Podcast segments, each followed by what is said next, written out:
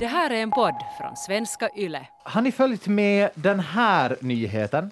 På lördag så har andra säsongen av Lego Masters Sverige premiär på TV4. Och två av dem som ska vara med och tävla det är bröderna Viktor och Anton Juholt från Oskarshamn. Det började egentligen som ett, ett litet internskämt mellan mig och brorsan. Vi har ju alltid varit legointresserade. Och så sa vi det, men borde vi inte ställa upp? Du vet, höhö, borde vi inte ställa upp? Haha. Och helt plötsligt så kom möjligheten att ställa upp och vi båda ringde varandra och sa du jag menar allvar, borde vi inte ställa upp? Och jag menar också allvar, det är klart vi ska söka. Ni vet en sån klassisk borde vi inte ställa upp, borde vi inte ställa upp, haha. En sån klassisk grej man ju säger åt varandra. Klippet från Sveriges Radio i alla fall för ja, men ett par veckor sedan, där man hörde då att bröderna Viktor och Anton Juholt i Sverige är med i den andra säsongen av Lego Masters eh, på, på TV4. Har ni sett det här programmet? Nej, verkligen inte. Jag visste inte att det här fanns. I, jag, har nog sett, jag har nog sett reklamen och tänkt att det ska, det ska jag kika på. Min, min son är väldigt intresserad av Lego. Jag, jag, jag älskar det här programmet. Jag, alltså, det är ett sånt perfekt program att titta på. Jag har tittat på det när jag har varit på hotell. Och så lägger man sig på sängen, man har ganska många timmar innan man ska göra någonting och så, så här, vad, kommer det på tv på hotellet? Då är det här perfekta programmet att titta på. Det, alltså, det är ett program där deltagare tävlar i att bygga lego mot varandra och så finns det en domare med som har jättekonstiga färgglada kostymer och sotarmössa på sig och han heter Magnus Göransson och han har titeln Brickmaster. Allt, allt det här älskar jag. Jag, jag, jag byggde jättemycket lego som barn också. Uh, och ja, programmets andra säsong har då i alla fall marknadsförts väldigt mycket här sett på att just de här Juholt-sönerna är med.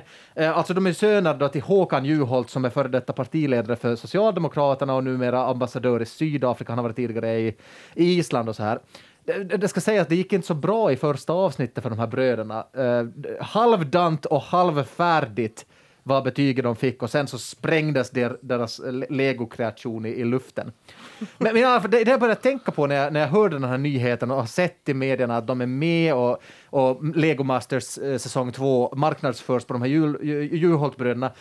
Det det jag började tänka på var, var Sveriges förra statsminister Fredrik Reinfeldts son. Gustav Reinfeldt.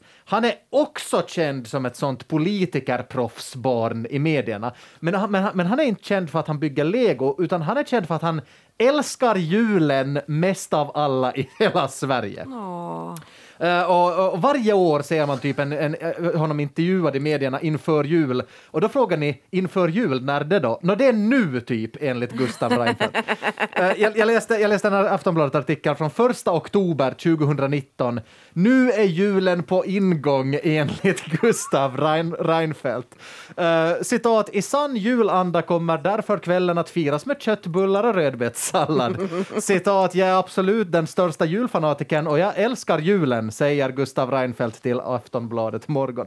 Jag börjar tänka, det kan inte vara en slump det här ändå. Det, det, det ena politikerbarnet älskar julen och de två andra älskar lego. Jag, jag drar slutsatsen att svenska proffspolitikers barn blir aldrig vuxna. De är bara barn hela livet ut. Du glömmer bort Kjell-Olof Feldts son, Erik Hörstadius, Okej, va- som är, som är författare och känd för sin, eh, vad ska man säga, sin svinaktiga framtoning. okej, men, men, svi- men, är- men är det på ett barnsligt sätt? Alltså, hur stöder det spaningen, Det är Peter? svinaktigt, kanske inte, inte, inte i sättet utan mer att han brukar, brukar komma till, till eh, tv-studion iklädd mjukisbyxor.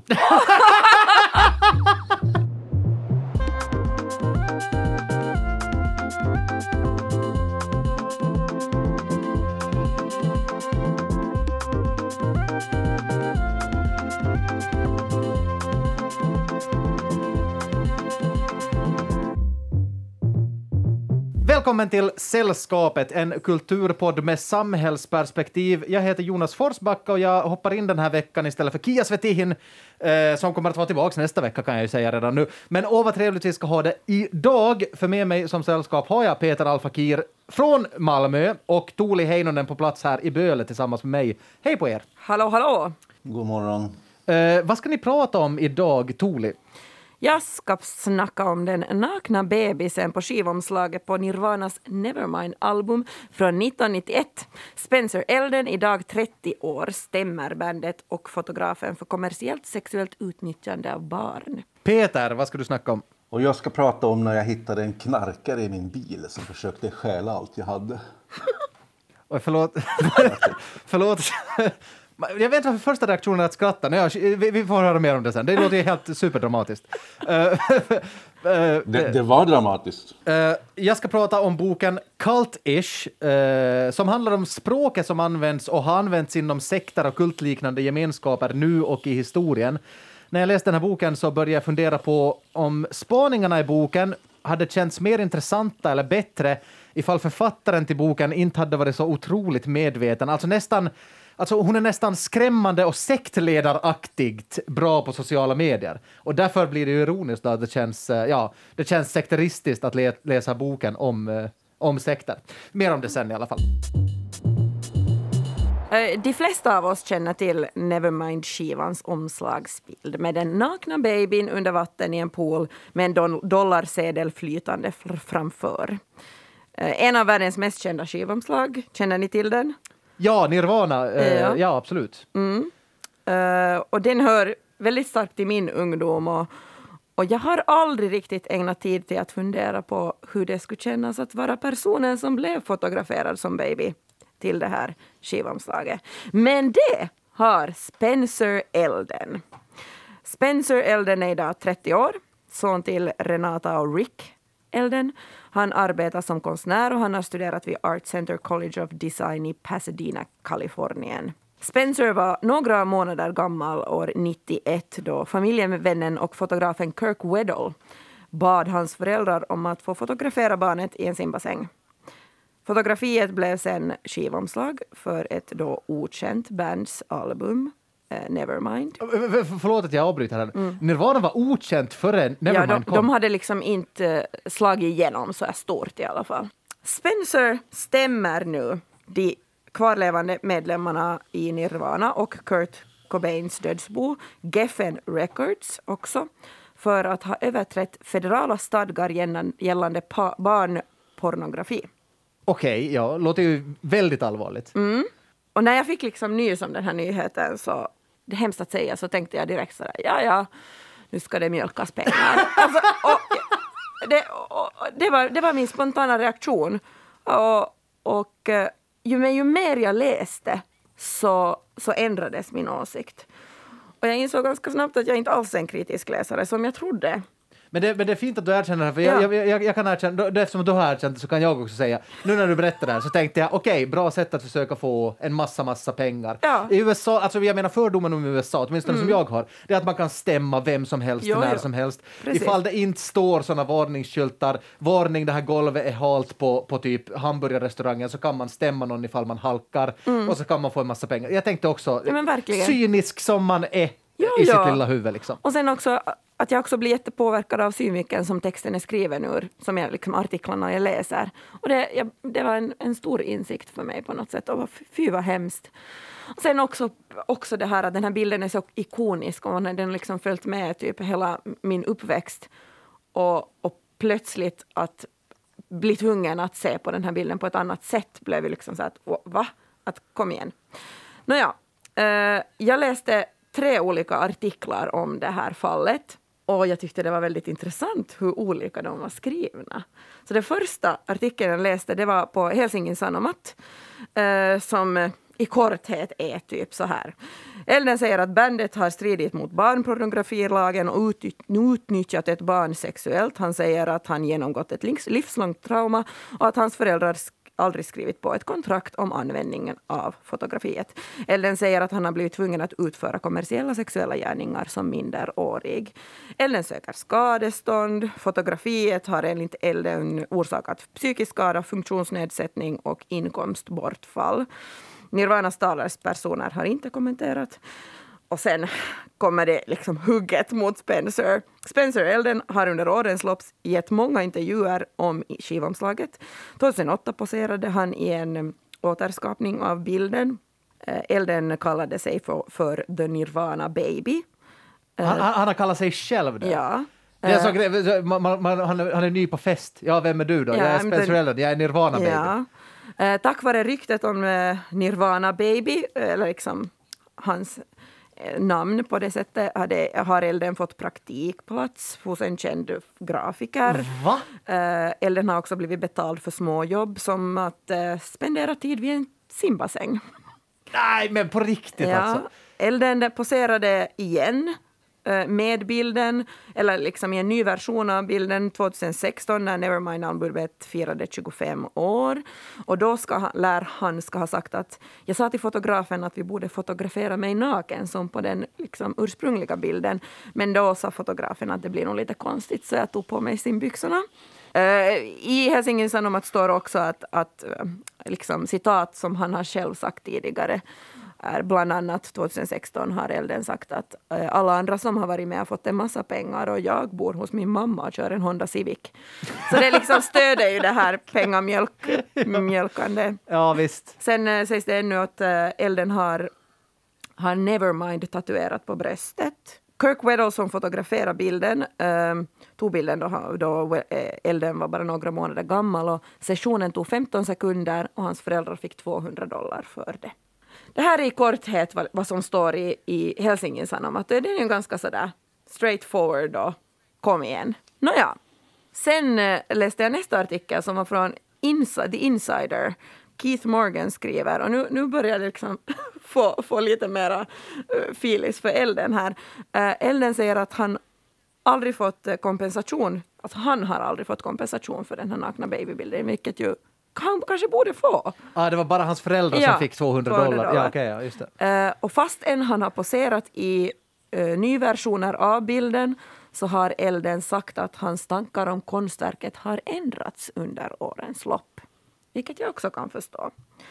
Uh, och i åtalet sägs att Eldens identitet och namn kommer för alltid att vara förknippat med det kommersiella sexuella utnyttjandet som han var med om som minderårig och eh, sedan har blivit, som sedan har blivit utgiven och såld världen runt från att han var baby tills idag. Eh, det sägs också att, att Elden och hans föräldrar aldrig skrev, kom, eh, skrivit under ett papper och fört över rättigheterna för bilden och inte har fått liksom ordentlig kompensation för, det, för användningen av den. Jag vet, jag vet alltså, jag, jag börjar osökt tänka på så här, jag, jag, jag tänker att många Det finns flera, det finns säkert många i Svenskfinland som har någon sån släktskröna eller släktberättelse om, om någon, någon gammelfarfars eh, farbror som har sålt bort ena släktens liksom vackraste strandtomt eh, vid, ute liksom i Åbolands skärgård för något sånt, liksom, jag menar en mjölkhink Ja. eller liksom en kärra. För att så gjorde man på den tiden och nu i efterhand har liksom värdet på tomten blivit liksom, äh, alltså gigantiskt, Jo, alltså jo. helt, helt enormt. Och man bara liksom, ja men det där var dålig borde- deal. Ja, liksom. ja. Dålig deal Gösta! Att jag, jag, vet, jag börjar tänka lite så med elden när jag hör det här nu. Att Mm. liksom här, förhandlingarna gick inte bra till där. Inte. Absolut, och det är liksom en komponent i det hela på något sätt, men jag upplever att det finns så många olika. Just i den här insiderartikeln så, så citeras han också från, från 2016. Han säger så här, but recently I've been thinking, what if I wasn't okay with my freaking penis being shown to everybody? I didn't really have a choice. Vilket ju stämmer, att han har liksom, han var en baby, han hade ingenting att säga. Det är ett inlägg egentligen i den här debatten som jag har pågått sen sociala medier har gjort Precis. riktigt stort eh, genom, liksom genomslag. Att, att föräldrar funderar, ska jag fota mitt barn, min bebis? Ja. Jag menar, de kan inte ge samtycke till det. Liksom. Nej. Samma år, 2016, så, så intervjuades han och vi har ett klipp tror jag. What is it like having the idea that a lot of people have seen my baby penis um, when I was a baby? Well, I'm not really a baby anymore, so it's uh, I have to like think it's not me or something. But I, it's, it's a trip. There's a lot of people that um, have seen my baby penis as a baby. I went to a baseball game on opening day at the Dodgers, and I was looking out at all the people, and I was like, had a moment where I was like, man, all of these people have seen my baby penis when I was a baby. Åh, förlåt, förlåt att jag skrattar, men måste, Alltså- måste han säga ordet baby penis, alltså baby hela tiden? Ja, Men alltså, ja, han mår ju inte bra. Nej, han låter ju, men alltså, för, förlåt, nu är det här säkert jätteosympatiskt sagt, men han låter ju lite pårökt. Han låter ju ganska seg. Ja, han låter seg, men jag tänker, och, jag blev, och det var när jag lyssnade på honom i, i den här intervjun som blev jag så här, men shit att det, det, här är inte okej. Alla har sett hans babypenis. nu säger du When också he was ordet. a baby! Och, nej, men alltså, och nu, är jag, nu låter jag kanske liksom eh, ironisk, men alltså det, jag tycker jag blev så här, då här klick, liksom klickade in för mig så här, men jag, hur skulle jag känna om min babysnippa skulle liksom, om jag skulle veta att alla människor i hela världen har sett mig naken, alltså fast jag var... Jag, jag vet, alltså... Jag vet vad, det här funkar på mig också. Nu, nu får jag också obehag av det. Ja. Och jag, tänkte, jag var också först cynisk och tänkte ah, han, bara, han bara vill mjölka pengar. Han har varit nöjd över att vara på omslaget. Men nu, nu, nu får jag också så här bara, Precis. varför skulle man vilja det? Det är ju Ja. helt hemskt alltså. Ja, nåja, så kommer vi till sista artikeln som jag läste som var New York, en eh, artikel i New York Times av Maria Kramer. Och då är titeln på artikeln Why, är alltså Why the baby on Nirvanas Nevermind album is suing now. Och det är ju redan sådär okej. Det är, ju det, det är ju det alla liksom vill ha svaret på. Ja. Och man är sådär, och man, snabbt kommer man till, till den åsikten att ja, ja, han vill mjölka pengar. Men här liksom är, det, är det väldigt tydligt tycker jag. Eh, det sägs här att Spencer Elden säger att han blir mer och mer obekväm med hur han hamnade på skivomslaget för albumet. Bilden tagen på Rose Bowl Aquatics Center i Pasadena, Kalifornien skulle bli använd det året som skivomslag för albumet Nevermind som bandet Nirvana slog igenom med och hjälpte definiera generation X. Alltså då fattar man hur gigantiskt det är på något sätt. Uh, Nevermind har sålt åtminstone tre miljoner kopior världen över. Och en av eh, Eldens advokater säger att Spencer Elden har gått i terapi i flera år för att arbeta igenom hur skivomslaget har Åh, påverkat nej! honom. Eh, han har inte träffat någon som inte har sett hans genitalier. Det är en konstant påminnelse om hur han inte har någon integritet. Hans integritet är värdelös för världen. Har det inte också, det är lite grann med, med en trend i tiden att man som betraktare sexualiserar bilder. För bilden i sig behöver ju inte vara sexuell. Det, det, det är en naken människa. Ja, det är en Naken naken baby. Det tänkte jag, jag har, också jag, på. jag, har ju sett, jag har ju sett det där omslaget i, sedan det kom.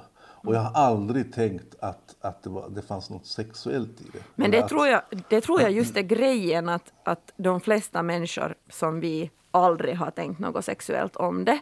Men det är ju det att att det har liksom, jag upplever att det kanske inte har någon betydelse vad vi tänker, utan det är att han är obekväm med det. Och att han inte har haft, han inte har haft eh, chansen att bestämma. Så på något sätt så tänker jag liksom att, att eh, Nirvana på den tiden och den här fotografen, liksom, de på ett sätt gjorde inte ett fel. För att det, det var 91 och man tänkte inte så långt och det var, liksom, det var världens finaste bild. Och, och det, är inga konstigheter där. Jag tycker inte att Nirvana och fotografen är nu, eller, eller skivbolaget är på något sätt stora bovar i dramat. Men jag tycker att de borde fatta nu att hej, släng över någon miljon. liksom, bara för att jag tänker Ja. att Spencer skulle må bättre av det och han skulle kunna gå vidare och känna att han har fått, han har fått kompensation för det, för det här att hans nagna baby penis finns ö, ö, runt om i världen. Och det är liksom för sent att dra tillbaka det. Att skivan har ju som sagt sålts 30 miljoner. Kanske man kan på något sätt få bort den från nätet. Nej, det kan man väl inte heller. Men vad, är det som är, vad är det som är värst då? Att han, han som, som bebis inte har fått ha någonting att, säga om saken eller är det att han är exponerad eh, med hans genitalier? Vad är det som är... Värst för honom, det, det måste jag säga Ja, att jag menar, vad är som, vad tycker ni är värst? Nå, jag tänker själv att det skulle vara det där att man inte har haft någonting att säga om saken. Men då, då är det ju så att det har ju äh, i stort sett inga barn Nej, någonsin haft. nej. Och det är inte okej. Det. Men det- Ba- barn, är, barn är, en, liksom, är en utsatthet liksom, Ja, och då, och då börjar jag också tänka på så här, mina vänner på Instagram och så där. Eh, Jag har massor med vänner med, som alla har massor med barn. Och, och klart man ser deras barn på Instagram och så där. Men speciellt om det, är- det är några så här strandbilder och barnen är nakna så ser jag ofta någon så här emojin på deras privata delar. Och, och har ibland tyckt att det är lite fjantigt. Men herregud vad jag förstår det. Just det. Nu, och liksom sådär, åh, det är ju jättenödvändigt. Och sen blir jag också så att, åh, jag tror att jag har bilder på mina kompisars barn på min Instagram. Förvisso då påklädda, men samtidigt sådär, de har inte haft någonting att säga om saken. Att visst, jag frågar, mina, jag frågar föräldrarna, får jag sätta upp den här bilden på ett barn? Och de säger jo, jo, men barnet har ju aldrig blivit tillfrågad. Så jag, Ja, jag känner att jag har lärt mig en liten läxa. Men, men jag måste säga, jag, nu, Men när jag tänker på det, liksom, det, är ju, det är ju nog förä- alltså jag menar, vi, vi, vi, vi kommer ju inte ifrån att det är föräldrarna som har varit liksom i ansvarspositionen i, i hans fall. Alltså jag, jag menar, det, jag tycker det inte heller, alltså det, det, eh, sån här total, total möjlighet, alltså 100 procent möjlighet att alltid välja själv i vilka sammanhang man ingår i, det kommer man inte att få. Alltså, vi, Nej. man kommer inte att ha en sån integritet genom livet. Eh, så, men, men, men, hade det stått någonting i artiklarna om Spencers relation med sina föräldrar? Alltså, han måste ju vara skitsur på dem. Ja, det tänker jag också. Jag har inte läst någonting om hur, hur föräldrarna liksom är med på den här kakan eh, med, med åtalet och allting. Men, men ja, jag kan tänka mig att det är lite spänd. Lite frostig stämning ja. där runt julbordet. Liksom. Ja, eh. det kan jag tänka mig. Men så här var det. Jag, alltså, solen sken och jag var på promenad i min bästa kavaj och stråhatt. När jag passerade min bil som stod på gatan. Jag hade, hade inte varit på flera dagar förbi min bil. Och sen helt plötsligt så ser jag då på lite håll att det är någon som sitter i den. Va? Och när jag kommer närmare, ja precis, det var som en chock. Vad är det, som, är det någon skiftning i ljuset? Nej, det sitter en främmande människa där. Och jag ser att det är en man med en stor ryggsäck. Och jag går liksom bara fram till bilen. Jag, jag springer inte fram utan jag tänker nu, nu tar jag det cool. Jag vet, jag vet ju inte vad det är för omständigheter, om det är något missförstånd. Någon som har liksom trott att det är sin egen bil eller någonting. Men när jag kommer fram så sitter jag ju liksom, ser jag ju att det, det, det här är ju en tjuv. Va? Men, men vänta nu, inuti bilen? Alltså man måste ju ha Ja, nycklar. sitter, ja. Nej, han sitter inne i bilen. Okej. Så jag vet ju inte om han, om han har slagit in en ruta eller hur han har kommit in i bilen. Men han bara sitter där mellan två säten. Och han ser att jag ser honom och jag ser att han ser mig. eh, vi, har ett litet, vi har ett litet mikroögonblick där. Och jag, jag liksom går fram. Jag skriker inte, jag, jag håller inte, gör inte någon scen. Jag bara liksom pekar på honom så här. Hörru du din jävel. Va? Och Ja, det låter när bra, han det låter bra. När han lite så här försiktigt försöker öppna en dörr för att schappa så smäller jag in den, smäller jag liksom den i ansiktet på honom. Va, skojar du, drar jag, smäller ihop den för att jag ska fånga honom i min bil. Då. Men är du inte Och så- rock så- eller plötsligt? Nej, men det var en liten kar. Eh, och sen så heter det... Och så drar jag upp min mobil då och så för att visa att nu ringer jag polisen. Och då, då liksom slappnar han, jag ser att han slappnar av i kroppen och sitter snällt. Och jag ser att det här måste vara en knarkare. Eh, det här är mina egna fördomar, men han har de här insjunkna heroinkinderna, dåliga tänder och, och, och massa tatueringar. Men, men, får, får, Men jag, får, jag, får, verkar- jag, får jag fråga, hur, vad, vad känner du i det här läget? Alltså, hur, när, när du har honom fångad där och väntar på polisen, vad- alltså, Ja. hur, men, jag menar, man Nej, måste men det, ju är det, vara... som, det, det är det som är så märkligt. att Jag är helt råcool. Hjärtat går inte upp. Men jag är en sån person att i, i såna här eh, tillfälligheter när, när det är otrolig stress så, så reagerar jag tvärtom. Så jag, är ganska cool. Eh, jag börjar inte skrika eller uh, låtsas för jag blir inte förbannad. Jag är inte förbannad. Han sitter ju bara i min bil. Liksom. Jag vet inte vad som har hänt ännu. Ja, okej. Jag, ja, ser visst. att det, jag, jag, jag ser att det är en knarkare, jag ser att det är en tjuv. Det, det går ju att se liksom. Men han är inte aggressiv och han verkar inte påverkad. Och han är inte så att han skriker och håller på att hotas eller någonting sådär. Eh, och jag, ser ju bara att det här det är en man som har gett upp på livet. Han, jag, jag bara smällde igen dörren i hans ansikte och han, han gav upp liksom. Får, får, jag fråga, jag- får jag fråga, det är en privat fråga, har du en fin bil? Alltså, är du, är du nej, te- nej, nej. Det, det, liksom? hör, det, det hör till saken. Jag, jag kör en Berlingo eh, skåpbil från 2008. Den är Full med bucklor. Eh, men inte en skåpbil, utan den- har baksäten och sånt. Men eh, ja, eh, jag kommer till det. Eh, och, och att, vet det, men jag, jag vet ju inte vad han om han är bara hemlös eller fattig. Sen, sen så, eh, och när jag märker att det går att prata med honom så, så står jag inför det här valet. Vad ska jag göra? Ska jag ringa polisen eller ska jag bara låta honom gå? Om jag ringer polisen så måste jag hålla honom kvar också till polisen kommer. Och det vet man ju i Stockholm att det kan ju ta evigheter. Det om- om de ens kommer. Det, det är ju ingen, ingen liksom garanti. Ska jag stå där på gatan, jag har bråttom till ett, annat, ett möte. Liksom. Ska jag stå där och hålla i honom? Och sen så vet jag ju inte heller om jag, om jag stänger in honom i min bil så kan jag ju bli arg, precis som en trängd råtta i ett hörn. Liksom. Och vill jag slåss, är det värt risken då att få en vässad skruvmejsel i magen eller en kniv? Bara för att det sitter en man i min bil. Vad gör man? Va? Men det är ju intressant det där. Jag, jag hade inte tänkt på det före du sa det, men alltså du blev ju liksom så att säga alltså bödel. Alltså det är du som, plötsligt så får ju du avgöra, ska han få ganska höga böter eller till och med ett fängelsestraff nu? Alltså liksom, Han åker nog, jag, jag, för att det räknas som ett inbrott. Va? Så att jag tror ju, det här är också till saken. Jag motiverar hans brott. Jag står ju där som en slags eh, sån här jurist, ambulans, vad heter ambulansjurist. Jag måste ju stå liksom på, på plats avgöra. klassiskt yrke, ambulansjurist. Ja. Ja, men det heter ju så i USA att man springer efter ambulansen för att se om det finns någon som kan, man kan hjälpa och stämma. ah, okej, okej, ja, I jag fattar. USA. Om någon har, någon har ramlat så är det liksom... Eh, men i alla fall, jag, jag, jag lägger ner mobilen och- och jag ringer inte polisen. Och, och istället så öppnar jag dörren så ber jag honom liksom lugnt och lägga tillbaka allt han har tagit. Och, så, och då öppnar han sin ry, ryggsäck och visar sitt byte. Då. Och då han, liksom, här, han måste ha precis ha satts. Det är liksom den här oddsen också, de här, de här kosmiska eh, oddsen. Att, att just när jag går förbi min bil, då sitter den knarkare. Jag kunde ha gått dit förbi fem minuter senare har han varit borta. Fem minuter tidigare han har inte satt sig där. Liksom de, de oddsen också bara slår mig. Att, att, att, att precis när han gör sitt inbrott går jag förbi min bil. Som jag inte har gått förbi på flera dagar. Eh, och då ser jag också vad han har tagit. Det, han har tagit liksom en deodorant, en 5 euros parfymflaska från Rusta som jag hade tänkt att ge till min pappa på hans eh, bröllop. Han, han gifte om sig för tredje gången och så tänkte jag att ja, det är värt en 5 euros parfymflaska från Rusta. Men det var väldigt god parfym alltså, så att jag säger inget om det. Det var sån här, ja, lite så blattig vaniljsmak. Jag tänkte han skulle gilla det. Eh, och sen så, eh, och så ligger där ett par gamla, ett paket eh, cigariller och ett par läsglasögon. Jag använder ett läsglasögon, jag vet inte varför jag har ett par läsglasögon. Eh, och i väskan ligger också allt han äger som han då öppnar och visar mig. Det är lite kläder och så ligger det två toarullar. Ja, Och det här liksom är, det plöts- här är eh, ojämlikhet, ojämlikhetens och fattigdomens liksom fula tryne. Ja, men det var, det, var liksom, det var ett kollektiv fattighet och uselhet. Det var det som var grejen. Jag skäms ju också. En tjuv bryter sig in i min bil i hopp om att stjäla någonting. Och han stjäl allt jag äger och allt han hittar i den här bilen som han tycker är värt något är en deo och några nycklar. Ja, visst, ja, det, liksom, vem är det då som egentligen är fattig? Vem är det som är usel? Jag, jag känner liksom att det var mer pinsamt för mig.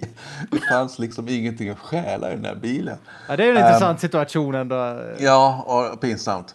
Uh, om, om han berättar då att, att han, enligt honom då så såg han att bilen stod öppen och han trodde själv att det var en pundarbil för att den var så stökig.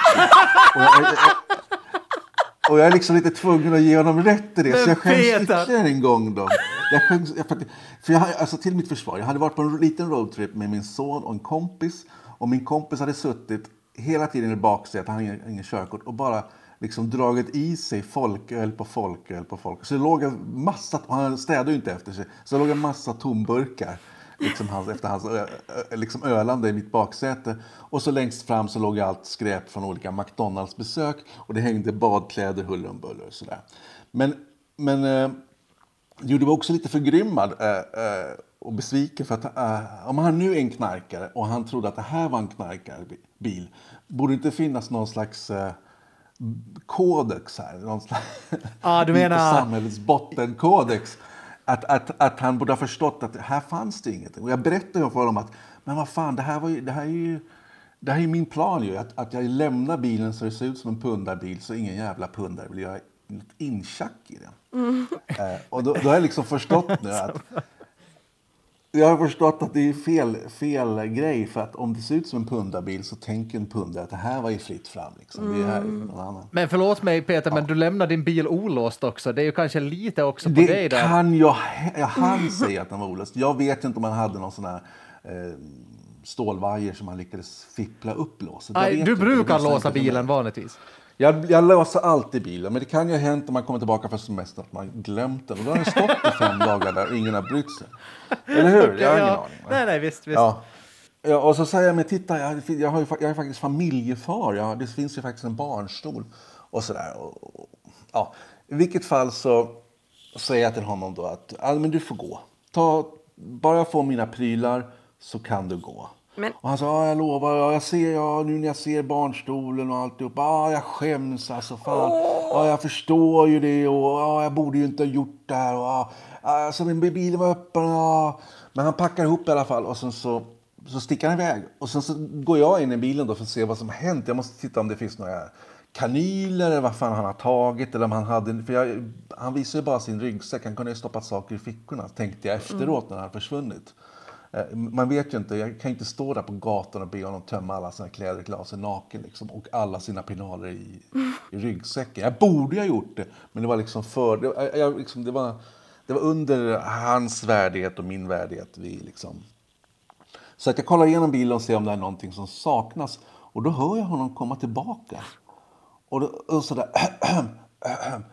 Ja, så jag. Så, ja, jag, jag glömde nog min mobil, i, min mobil i din bil, säger jag. Och då tänker jag så här, nej nu liksom, jag har ju låtit honom gå och, och han har liksom kommit jävligt lindrigt undan här. Jag har inte... För han säger, ja jag vet ju, du, du är ju stor kille, du kunde ha liksom buntat ihop mig, sa han. Ja, så, nej men det... Så att, eh, nej, men det var inte det som var grejen. Liksom. Jag var inte intresserad av att göra. Men nu kommer han tillbaka och vill ha sin mobil och jag liksom tänker så här, nej nu får det räcka. Det här är sån, Men- det här är sån Larry David situationskomik. Ja, det är som Larry- ja, Seinfeld, visst, det eh, typ, det typ om han ska kommit till, han ska kommit tillbaka och bara liksom, ja, kan du köra mig hem? Det är liksom den typen Ja. av hu humor det här. Ja, precis. Men då, jag tittar efter den, jag hittar inte mobilen.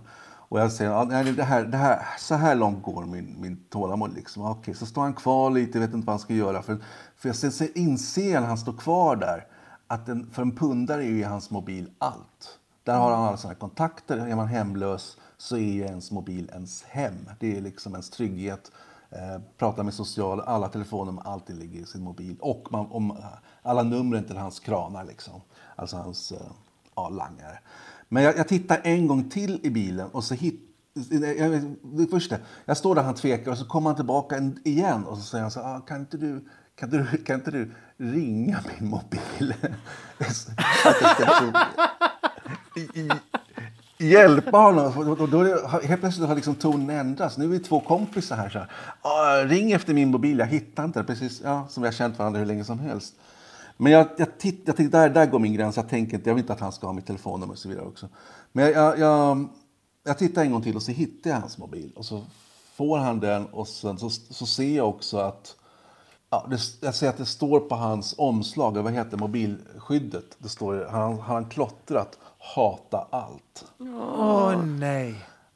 Ja, och då tänker jag, aj, aj det gjorde ont. Så, så han får, får min mobil och så pinnar han iväg. Och när han har försvunnit då så kommer alla de här tankarna. Det, eh, gjorde jag rätt? Var det rätt att släppa honom? Nu kanske han bara sticker iväg och gör inbrott i någon källare eller någon nästa bil. Var det, var det liksom av mitt hjärtas godhet och generositet som jag släppte honom? Eller var bara lättja att jag inte orkade ringa polisen, orkar inte vara mitt vittne, orkar inte skriva brev till försäkringsbolag, orkar inte sätta av en dag för att gå på rättegång och vittna. Och allt det här bara för att han skulle liksom ta en deo och några cigariller. Jag, tror, jag upplever att du gjorde helt, helt rätt. Jag tänker, jag, alltså absolut. Jag menar, det var ju ingen skada skedd. Han gav tillbaka allt vad han hade, liksom, eller i alla fall det, säkert det mesta som han hade försökt ta.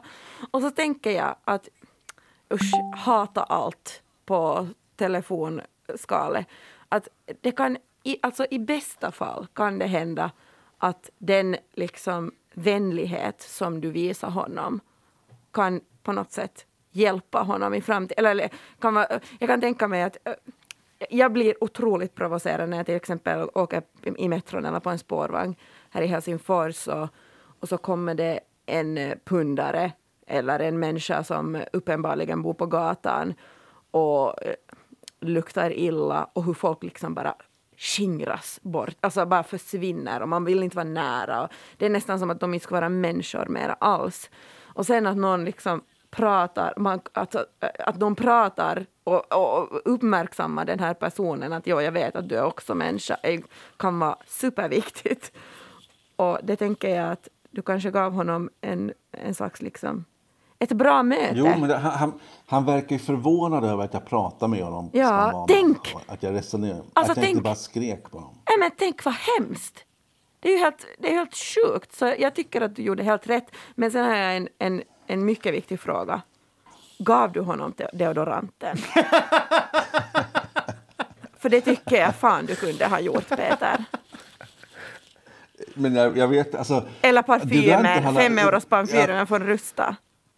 Ja, men det var- det liksom där, jag vet inte om jag skulle liksom börja pracka på honom mitt skräp heller. Vad ska han göra med den? Det Men han, ville det ju, men han ville ju ha det. Alltså han hade ju tagit det. Så du ska säga, men vet du, du får... till, till, till saken hör ju att han måste ha varit i början av sin inbrottskarriär där i min bil därför att i baksätet låg alla mina verktyg och de kostar ju en del. Så han hade liksom inte hunnit dit när jag kom. Men, men, alltså, men det, är, det är faktiskt det är så kul att du, du kommer hit Peter och liksom så här frågat var det moraliskt korrekt att jag släppte honom? Och sen får du höra av Toli att liksom shame Ja, on you att du inte bort- gav Jag tycker du borde ha gett Plötsligt är det du som är boven men samtidigt är det, ju, det, är ju, också lite här Att han pinnar iväg och säger hörru förresten, du behöver den här deodoranten. Det är precis som att han luktar svett. Jo, men det var det också, för jag tänkte också på Spindelmannen. Va? Och jag tänkte bara det här att han, han lät en tjuv gå. Eh, om ni kommer ihåg det. Och den, den tjuven återkom ju sen och mördade hans morfar. Och i filmen så säger morfar också någonting typ med With great powers comes great responsibilities. Och det är alltid så i världslitteraturen att, att när, hybris och arrogans leder ju alltid till att besegla huvudkaraktärens öde. Så jag har också funderat på det efteråt. Släppte jag honom nu, kommer han återkomma i något annat skede av mitt liv och orsaka min egen död? Men men för, för, för, alltså, jag, hur ska jag säga det här? Med Han kanske sitter med all påverkad respekt- i en lastbil. Med all, lastbil med och, och all kör. möjlig respekt Peter, du är inte Spindelmannen. Nej, men jag är ju protago- protagonist i mitt eget liv. Det är sant, det är sant. Ja. Eh, I vilket fall, så alltså, alltså också en, känsla av sen att, att fick han med sig någonting, fick han med sig en extra nyckel till mig? Jag vet ju inte, jag kollade inte hans fickor. Så jag har haft en känsla av otrygghet och låst med kedjan när jag gått och lagt mig sådär. Inte för att jag vet hur han ska kunna spåra mig, men jag har ändå varit precis som en sån här brottsoffer med inbrott och alltihopa. Nu har jag inte känt så jättemycket, det här släppte efter några dagar. Men det, kan, man kan förstå de brottsoffer som faktiskt har haft ett inbrott, faktiskt har blivit misshandlade och så vidare. Absolut. Eh, vad gör man om man hittar en främmande karl i sin bil? Eh, jag hade nog glömt att låsa dörrarna så det var ju mitt fel. Men jag lät honom gå och det känns ju bra efteråt. Men samtidigt då så finns det den här gnuggande känslan av att with great powers comes great responsibilities. Kommer jag eller någon annan då ångra mitt val? Världslitter- Världslitteraturen säger så. Uh, nu ska det handla om något helt diametralt annorlunda än din nersölade skåpbil, Peter. För nu ska det handla om Amanda Montell. Hon är lingvist, språkforskare och författare. Hon är född och uppvuxen i Baltimore i USA men bor i Silver Lake, California.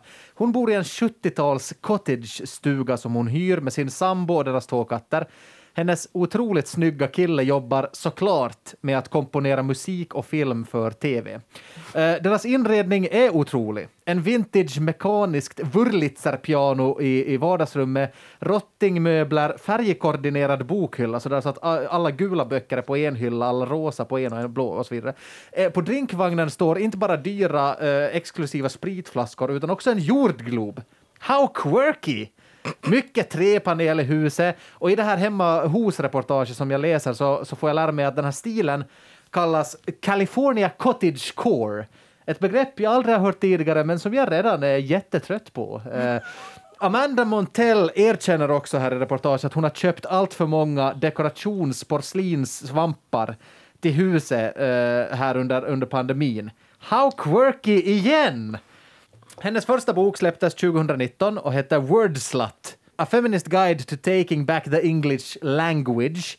Eh, språkforskare som hon är då, så handlar det om språk. Eh, behöver jag ens säga att hon har en podcast? Nej, det utgick ni från redan. Den heter Sounds Like a Cult och handlar om kulter och zeitgeist-fenomen. Hennes Instagramflöde då? Superkurerat. Inte en enda fyllebild där inte. Och hennes andra bok släpptes nu i somras och det är den jag har läst eh, inför det här avsnittet och det är den jag vill prata om. Den heter Cultish, The Language of Fanatism. Ja, jag kan ju säga det förresten, hon är ju född 92 såklart, alltså hon är 29 år gammal. Jonas, jag måste bara säga att det är så tydligt vad du tycker om den här kvinnan. Kan man vara mera irriterad på Men vad, någon? vad, vad, känner, vad känner ni eh, när ni hör den här presentationen av Amanda Montell? Är det avundsjuka och missundsamhet eller tänker ni you go girl, sw- slay queen? Ja, alltså jag blir ju direkt sådär taggad på henne bara för att du är så anti. Peter, vad känner du då? Ja, det är en lite svepande beskrivning måste jag ju säga. Jag, jag vet ju inte, jag känner ju inte kvinnan i fråga men, men eh, du kanske ska ge, ge henne en, en andra chans. Du vill, inte, du vill inte döma henne på basis av hennes Instagramflöde som jag har gjort. här. Precis. Och jag, Precis. Ge hennes, henne hennes andra chans. plus att hennes hem låter ju underbart snyggt. Jag hatar det där hemma, okej? Nej men det, alltså det där hemma är otroligt snyggt. Alltså jag vill bo där Ja. så himla mycket. Men i alla fall, jag har sett, eh, jag har, alltså jag har ju, det- jag har gett henne en andra chans, alltså för jag läste ju hennes bok eh, ändå, liksom, det är ju ändå ett projekt i sig. Och- Men, men jag, jag har sett jättemånga på sociala medier dela den här boken då, Cultish, the language of fanatism.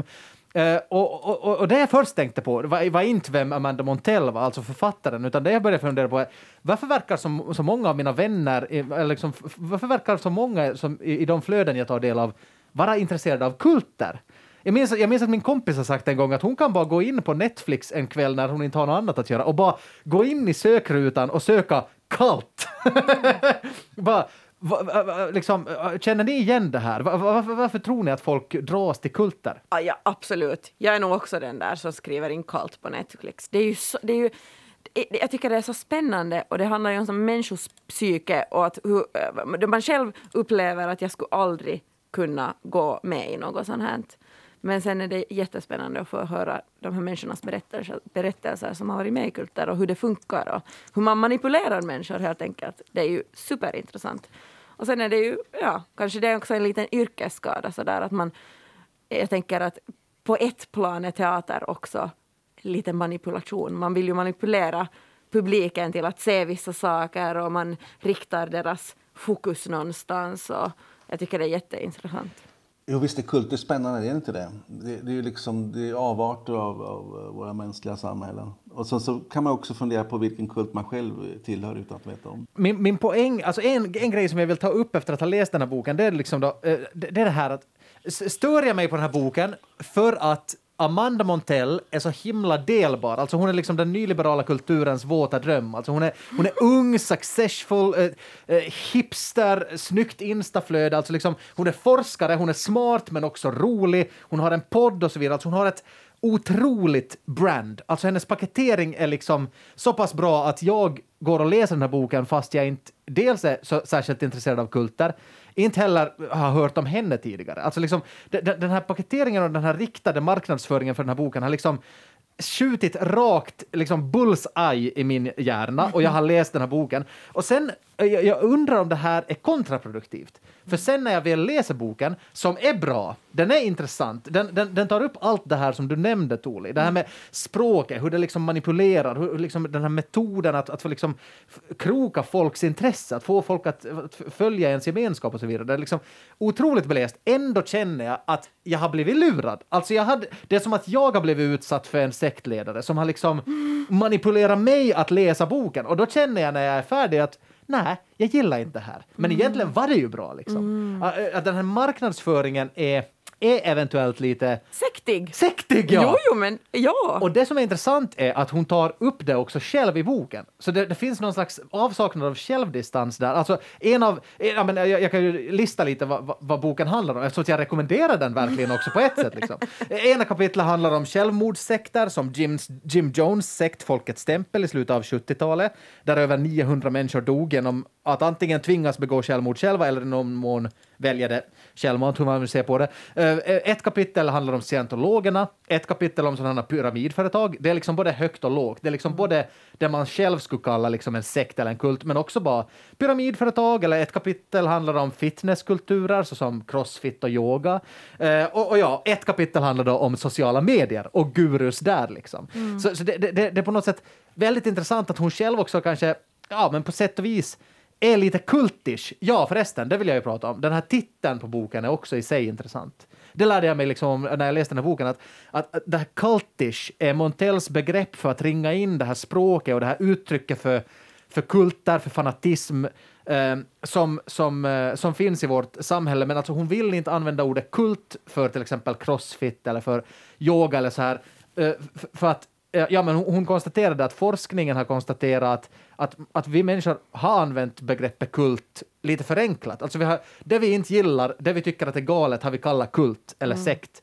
Och det har gjort att det här begreppet har helt tappat liksom Ja, men det, det är för brett, det är för spretigt. Så istället använder hon det här cult-ish, alltså kultliknande, för det här språket som man använder då inom sådana här gemenskaper. Alltså det, det är som Swedish eller Spanish, cultish. Ehm, och det här cultish-språket, det kan vi bli utsatta för hela tiden i vår vardag, liksom mer eller mindre. Uh, och, och det är också en sympatisk poäng i den här boken att Montell är noga med att påpeka att det finns kanske ett missförstånd eller en slags myt kring att det är språket som gör att människor går mer i kulter.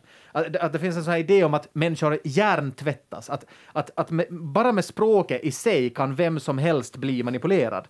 Medan Montell är liksom noga med att språket är det centrala, det är ett verktyg och det är en metod att få en person att tro på vissa saker, hur radikala de än kan vara. Men, men det går inte kanske att använda det här språket på vem som helst. Alltså man måste använda det på en person som redan från början att det har såtts ett frö i personen. Att man har, att man har, det kan vara en så enkel sak som att man har flyttat till en helt ny stad och man är helt ensam där. Då är man öppen för att bli sedd, för att få ett sammanhang, för att, för att hitta mening och riktning och så här. Och redan då, den öppenheten kan räcka för att man själv liksom tillåter sig själv, att man öppnar, man, man tar steget över tröskeln för att liksom bli bli eh, utsatt för cultish språk helt enkelt. Eh, det, där kan, det där kan jag känna igen mig i. Liksom att, Ja, herregud, verkligen. Jag tänker direkt på att varenda kurs i skådespelarkonst som jag har gått på är lite cultish. För det blir den där liksom, oberoende hur, hur långvarig den här kursen är, så har man den här gurun och så är man ett gäng lärjungar och så, och så är man i den där bubblan. Man är ju verkligen i en bubbla under kanske då en vecka eller kanske, vars- inte, kanske en månad. Så att Ni börjar lita på varandra, Jo, jo. lojalitet, ni känner att ni fattar någonting som de utanför er bubbla inte fattar. Ja. Allt det här kan man läsa mer om i boken. Som, som, alltså jag, jag kan inte uttrycka det, liksom, jag, vet, jag kan inte vara tydlig nog med det. Den är bra alltså. Det är bara det att jag stör mig så helvetes mycket på hennes inredning. Och det här, är ju, alltså det här är så bra marknadsföring nu som du gör för boken. Du liksom, du, förstår du att du är med i sekten nu? Nej! För nu måste jag läsa den.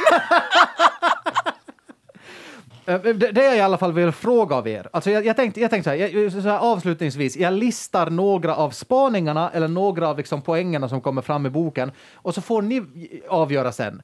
Är de här spaningarna intressanta på riktigt? Eller, Eh, och, och, och, ja, och i så fall så är det väl bara då kvinnohat som är orsaken till att jag stör mig så mycket på Amanda Montell. Eller tycker ni också att de är lite platta och att, att, att det som jag har blivit utsatt för är riktad marknadsföring som säger att den här boken är helt underbart eh, liksom, intressant. Sen är den ganska platt i sista, sista slutligen. Liksom. Eh, så här, så här, det här är en av spaningarna. Dagens kultliknande grupper, eh, till skillnad från 70-talets kult, eh, kulter, är mycket enklare att gå med i. Det är lägre trösklar. För citat, “the barrier to entry the, is the simple prison of tapping follow”. Det känns som, nivån på spaningen är som att alla går ju runt med sina eh, små datorer i fickan hela tiden. Haha, sociala medier mer som osociala medier ifall du frågar mig.